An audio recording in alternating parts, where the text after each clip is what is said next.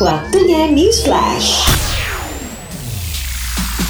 Hai Jody Hendrarto balik lagi di News Flash. Pemain skateboard terkenal yaitu Tony Hawk melakukan kerjasama dengan perusahaan air gunung Liquid Death untuk membuat deck skateboard khusus. Deck skateboard milik Tony Hawk tersebut didesain khusus dengan menempatkan darahnya di dalam bentuk lukisan dan juga seni. Dilansir dari PramborsFM.com, produk hasil kerjasama Tony Hawk dan juga Liquid Death ini hanya dibuat sebanyak 100 deck. Masing-masing skateboard dijual dengan harga 500 dolar Amerika Serikat atau setara dengan 7.183.775 rupiah rupiah.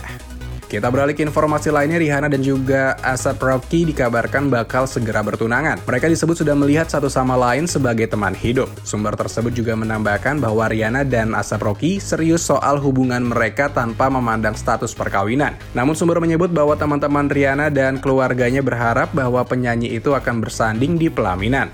Lanjut ke informasi lainnya, BTS membantah tudingan yang menyatakan boyband tersebut memanipulasi cara untuk dapat bersaing ketat di tangga lagu Billboard.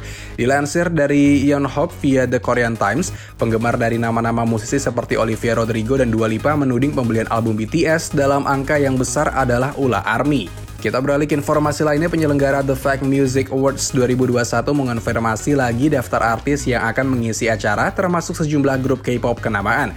Dilansir dari MK Sports via Never, dikabarkan bahwa ITZY, Oh My Girl, Brave Girls, Huang Chaeyeol, Seventeen, BTS hingga Super Junior akan menghadiri The Fact Music Awards secara online.